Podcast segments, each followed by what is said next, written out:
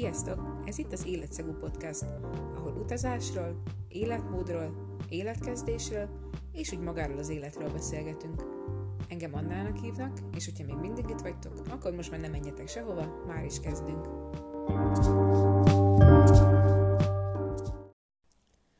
Na sziasztok, sziasztok! Üdvözöllek titeket a podcast első epizódjában, ami nekem még mindig teljesen szürreális, pedig már jó ideje tervezem azért a részeket, és így ötletelek rajtuk.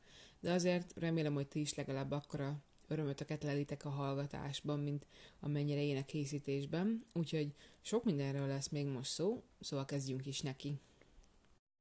Az biztos, hogy nem akarom a teljes első részt azzal tölteni, hogy a podcast kezdési motivációimról beszéljek, de azért érdemes szerintem megemlíteni, hogy miért a podcast, és hogy az én életemben milyen formában van jelen, valamint a témákba is szeretnék egy kicsit belemenni, hogy mit miért választottam, és hogyan fogok róluk beszélni. De még mielőtt itt nagyon belefeledkeznénk a részletekbe, szeretnénk egy olyan szegmest belevezetni minden epizód elejére, ahol elmesélem, vagy majd akivel közösen csinálok részeket együtt elmeséljük, hogy milyen volt a hetünk, miket csináltunk, és milyen érzések vannak bennünk, csak egy ilyen kis heti összefoglaló névem. Mint azt a legtöbben, akik ismernek, tudják, én egyszerre csinálom az egyetemet és dolgozok is, és aki még hasonlóan van így, hasonló cipőben jár, az tudhatja, hogy ez az őszi időszak, ez kicsit megviselő így a tanulás terén, legalábbis a tanulás és munkába járás össz- összeegyeztetése terén, mert ugye most vannak az óráink, és az éhák is, Semmi drasztikus vagy kivitelezhetetlen nincsen benne egyébként, már a múlt fél évet is így csináltam meg. Akkor mondjuk egy kicsit parábbnak gondoltam, már csak azért is, mert nem tudtam mire számít, csak eddig csak órákra jártam, dolgozni pedig max. hétvégén mentem el. Így viszont plusz kihívás, hogy nem veszek részt az órákon, csak az éhákat meg a vizsgákat csinálom meg. Amit egyébként nekem a legnehezebb összeegyeztetnem, azok az időrendek, az informálódás, mikor vannak az éhák, milyen házikat adnak fel, mi legyen a beadandóban, meg hasonló finomságok. És pont emiatt, a nehéz időszak miatt volt most nagyon király, hogy az utóbbi hétvégén Ábellel a magas tátrába mentünk egy ilyen hétvégi kikapcsolódásra, mert ki tudtam szakadni ebből a őrült mókuskerékből, hogy mondjuk így. Ilyenkor a természet engem teljesen feltölt, abszolút más az ottani emberek életritmusa. Nem is gondolok arra egyébként, hogy mi volt előző héten, csak ott így a jelenbe próbálok meg létezni. Ott a környéken pedig kifejezetten olyan mentalitású emberekkel voltunk körül, körülvéve, akikről lerút, hogy mennyit vannak az erdőben, hegyekben, ami még inkább hozzáadott az élményhez. Teljes chill volt egyébként. Arra meg nem is beszélve, hogy micsoda látvány van ott, de amikor felértünk egy óra szenvedéses sziklamászás eredményeképp a hegycsúcsra. Jó, mondjuk annyira nem sziklamászás, de nem is túrázásnak mondanám, hanem inkább ilyen felfele szikra ugrálásnak lehetne jobban nevezni. Azért az eszméletlen volt. De a kedvencem azért az volt, amikor jött egy ilyen random ötlet Ábeltől, hogy végül is miért nem ásznánk meg egy síguró sáncot, mert pont így a hotelünkkel szemben volt kettő, és mivel nyilván imádjuk a kalandokat, meg a kihívásokat, nagy teljes messzélességen neki lendültünk, nagy izgatottsággal, viszont azt már most megmondom nektek, hogy ez egyáltalán nem úgy néz ki, mint ahogyan a tévében lehet látni. Ez olyan durván meredek, hogy még négy kézláb se nagyon lehet megmászni, arra nem is beszélve, hogy szétsípte a csalán a tenyeremet. De legalább arra jó volt ez is, hogy most már ilyet is sikerült átélnünk. Amúgy rólam azt kell tudni, hogy nekem csak a szám nagy ilyenkor, amikor vagány dolgokról van szó, egyébként így nem veszem utána a bátorságot, hogy meg is csináljam a tervezett, meg mondott dolgokat, de azért, hogy ezt megcsináltam, szerintem tök menő. Na, és akkor most már át is ugorhatunk a következő szegmenshez, hogy miért is a podcastot választottam, mint gondolat megosztó felület.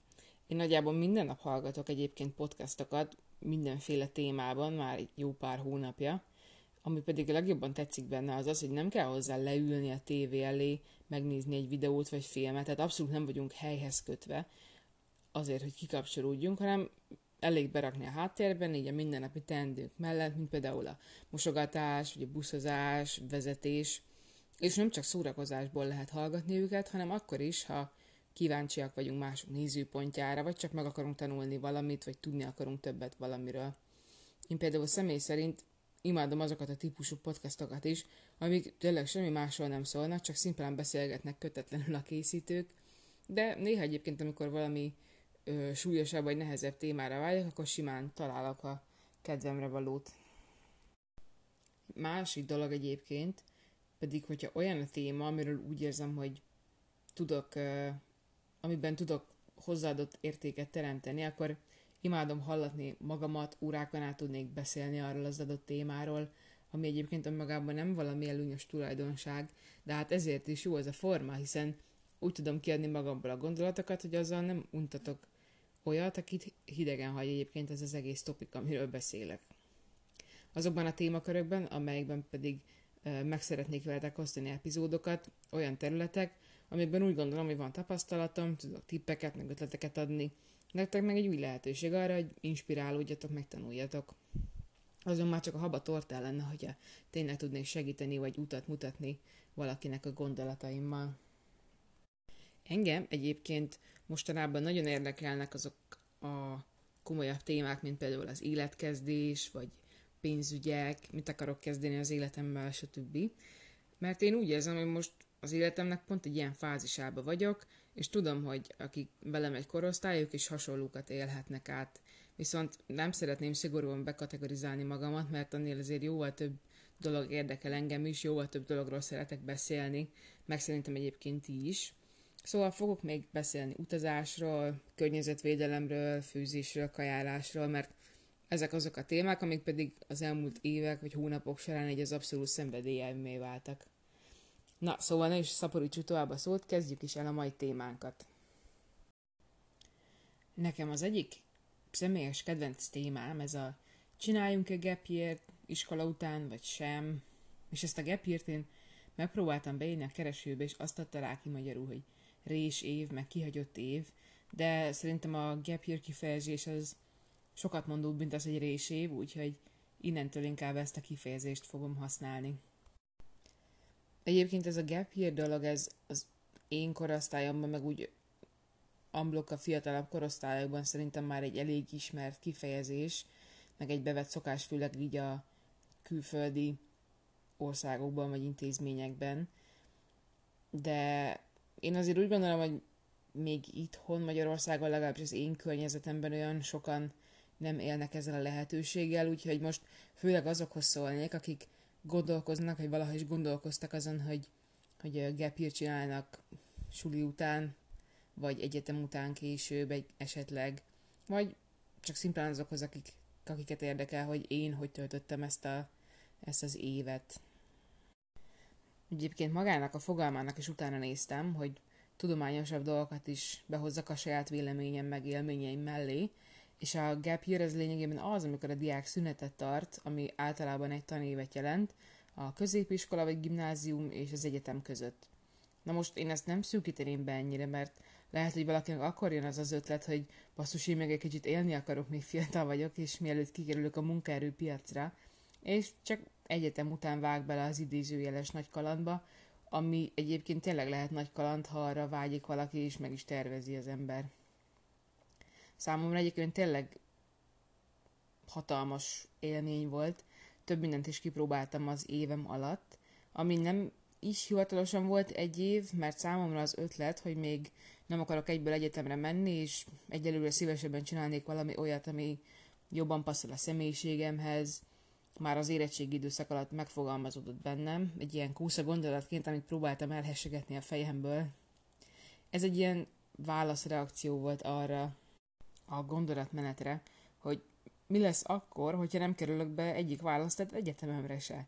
És akkor elkezdtem itt brainstormingolni, hogy milyen lehetőségeim vannak.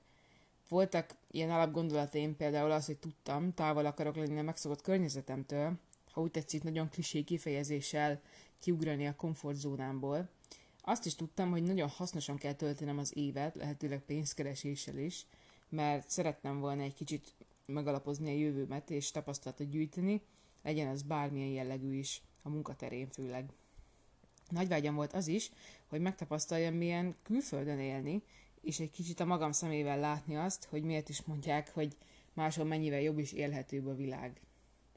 De azért nem akartam teljesen elkötelezni magam egy rendes külföldi munkahely mellett, mert akkor elvette volna az egész gap year lényegét, ami pedig nekem az volt, hogy valami más csináljak, ne pedig olyat, amit még iskola után legalább 50 évig fogok csinálni, ez az tanulni és dolgozni. Jó, mondjuk tanulni senki nem tervez szerintem 50 éven át, de ez nem feltétlenül iskolapados oktatásra vonatkozik. Én főleg utazni, kikapcsolódni, tapasztalni, élményeket gyűjteni akartam. Hallottam már így első körben az önkénteskedés lehetőségéről, és bármennyire szép gesztusnak tartom, ez kicsit ilyen first world beli fiatalok lehetősége, hogy sok száz vagy akár ezer dollárért cserébe kivisznek téged egy ilyen fejlődő területre, ahol aztán tábori körülmények mellett végezhetsz munkákat. Ez pedig, hogy fizetni kell érte, nekem teljesen elveszi az önkénteskedés lényegét, és úgy voltam vele, hogy ezt a mindennapi életben is tudom csinálni, és ezért nem feltétlenül szükséges erre egy évet kijelölni. De persze ez lehet, hogy ez az én véleményem csak. Na, és itt jött az a világ megváltó ötletem, ami egyébként tényleg egy nagyon jó ötlet volt, és lehetőség számomra, ez pedig már a sokak által ismert éljünk egy évet az USA-ban óperként történet. Ebben számomra minden benne volt, amit szerettem volna kapni a, az évtől. Az Egyesült Államokban tölthettem húzamosabb időt, és biztos pontot és segítséget nyújtó szervezet segített engem a szervezésbe, tehát nem is voltam teljesen magamra hagyva. Egy család gyerekeire vigyázhattam, amiért zseppénzt is kaptam, ami egyébként magyar viszonylatban egy tök fizetés volt, csak hát ez kint túl sokat nem dobott a helyzetemen, mert ott minden iszonyatosan drága.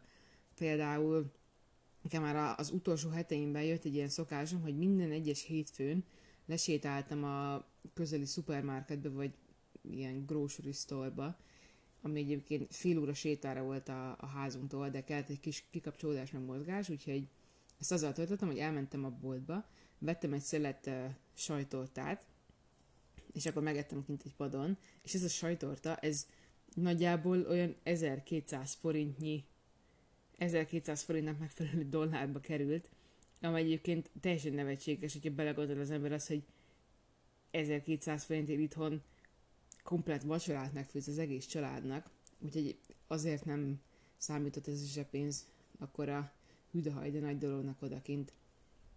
Tudtam egyébként, hogy lesz egy csomó lehetőségem utazni és felfedezni az országot, amivel egyébként már olyan sokat szemeztem azelőtt is. Mérlegeltem a lehetőségemet, és úgy voltam vele, hogy ennél jobb módon nem is tudnám felfedezni egy ilyen jelentős részét a világnak, szóval már csak azért is véghez viszem az ötletemet. És nem tudom, emlékeztek-e még arra, amit nemrég mondtam, hogy nekem ilyenkor a szám az nagyobb szokott lenni, mint az akaraterőm, és én magam se gondoltam, hogy nem fogom feladni és hagyni az egészet a francba, de még így is, hogy ennyi sok ügyintézést és családkeresést és hivatalos dolgokat kellett megoldanom magamtól, és azt tudom mondani, hogy ezer százalékban megérte, és rengeteget tett hozzá ahhoz az önmagamhoz, aki most vagyok. Többek között olyanokra tanított engem a kintlét, mint arra, hogy én bármit képes vagyok véghez vinni, amit csak akarok, és legyen bármennyire is nevetséges hangzású az ötletem, van mód a végezüteléhez. Szóval, hogy én most kitalálnám, hogy befejezem az egyetemet, és még egy gapjét akarnék csinálni, mert amúgy miért ne, és találok magamnak valami nagyon testhez álló programot, például Dél-Kelet-Ázsia legmélyebb bugyraiban, tudnám, hogy meg tudom csinálni, mert már egyszer sikerült.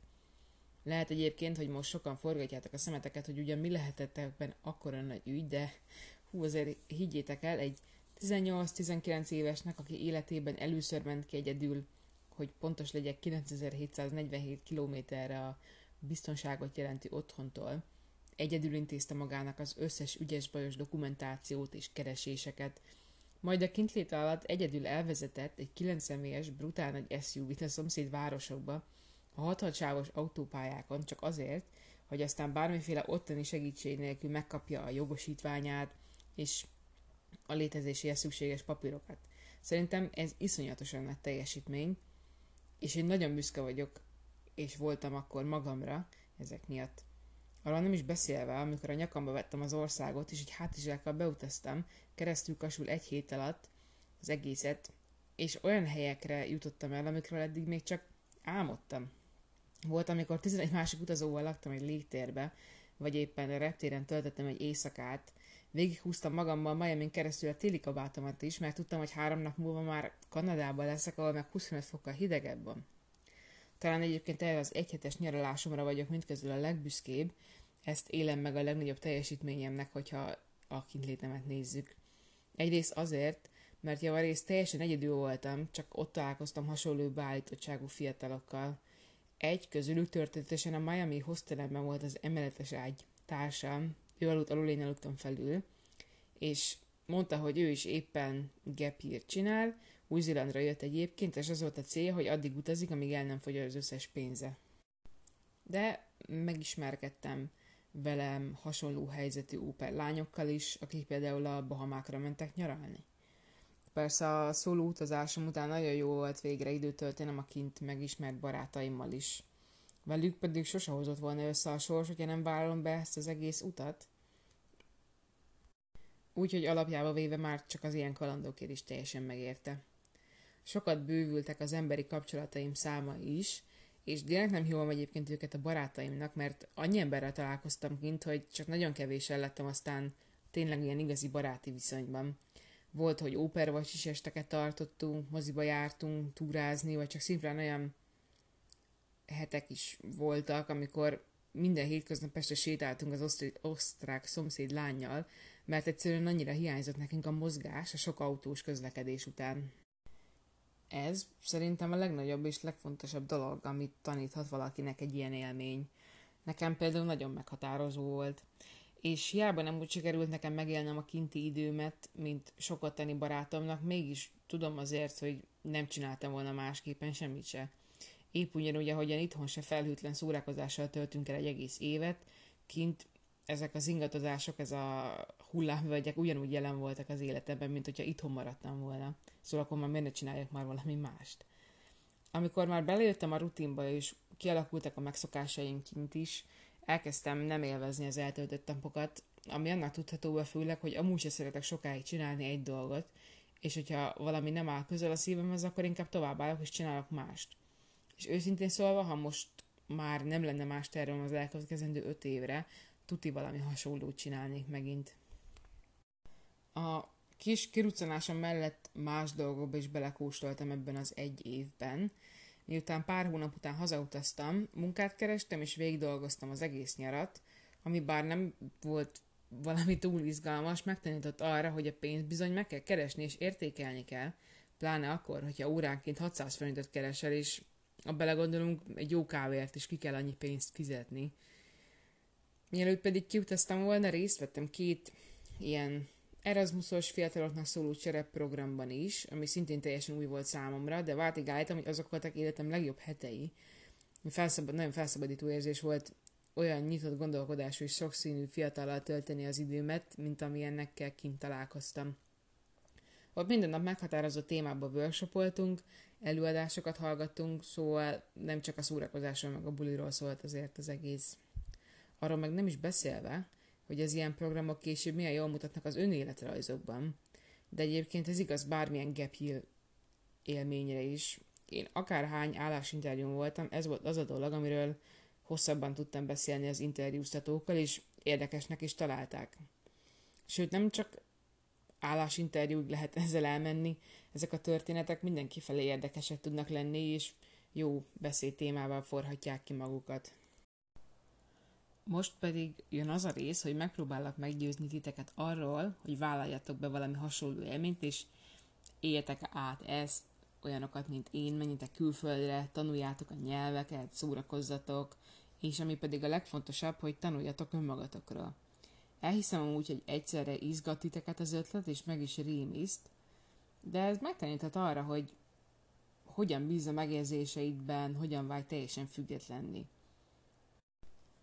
Csak hogy még egy személyes történetet mondjak, én előtte például nem nagyon mostam ki a szennyes ruháimat, nem is tudtam, hogy egyetlen hogyan működnek a mosógép programjai, majd hirtelen belecsöppentem abba a szituációba, hogy két naponta kellett mosnom három kislány ruháját, akik történetesen imádtak átöltözni egy nap legalább háromszor, és hirtelen felelősséget tartoztam értük, ami pedig csak még jobban motivált arra, hogy rendesen végezzem a rám bízott feladatokat – A legnagyobb ilyen függetlenítő motivum az óperidőszakomnak pedig a kinti autóvezetés volt szerintem.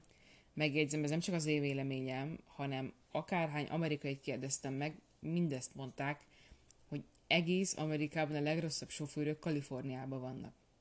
Kedvencem mondjuk az volt, amikor esett az eső, és az autópályán voltam, voltak olyan autósok, akik megálltak a leállósávban, mert egyszerűen nem tudták használni az ablaktörlőt.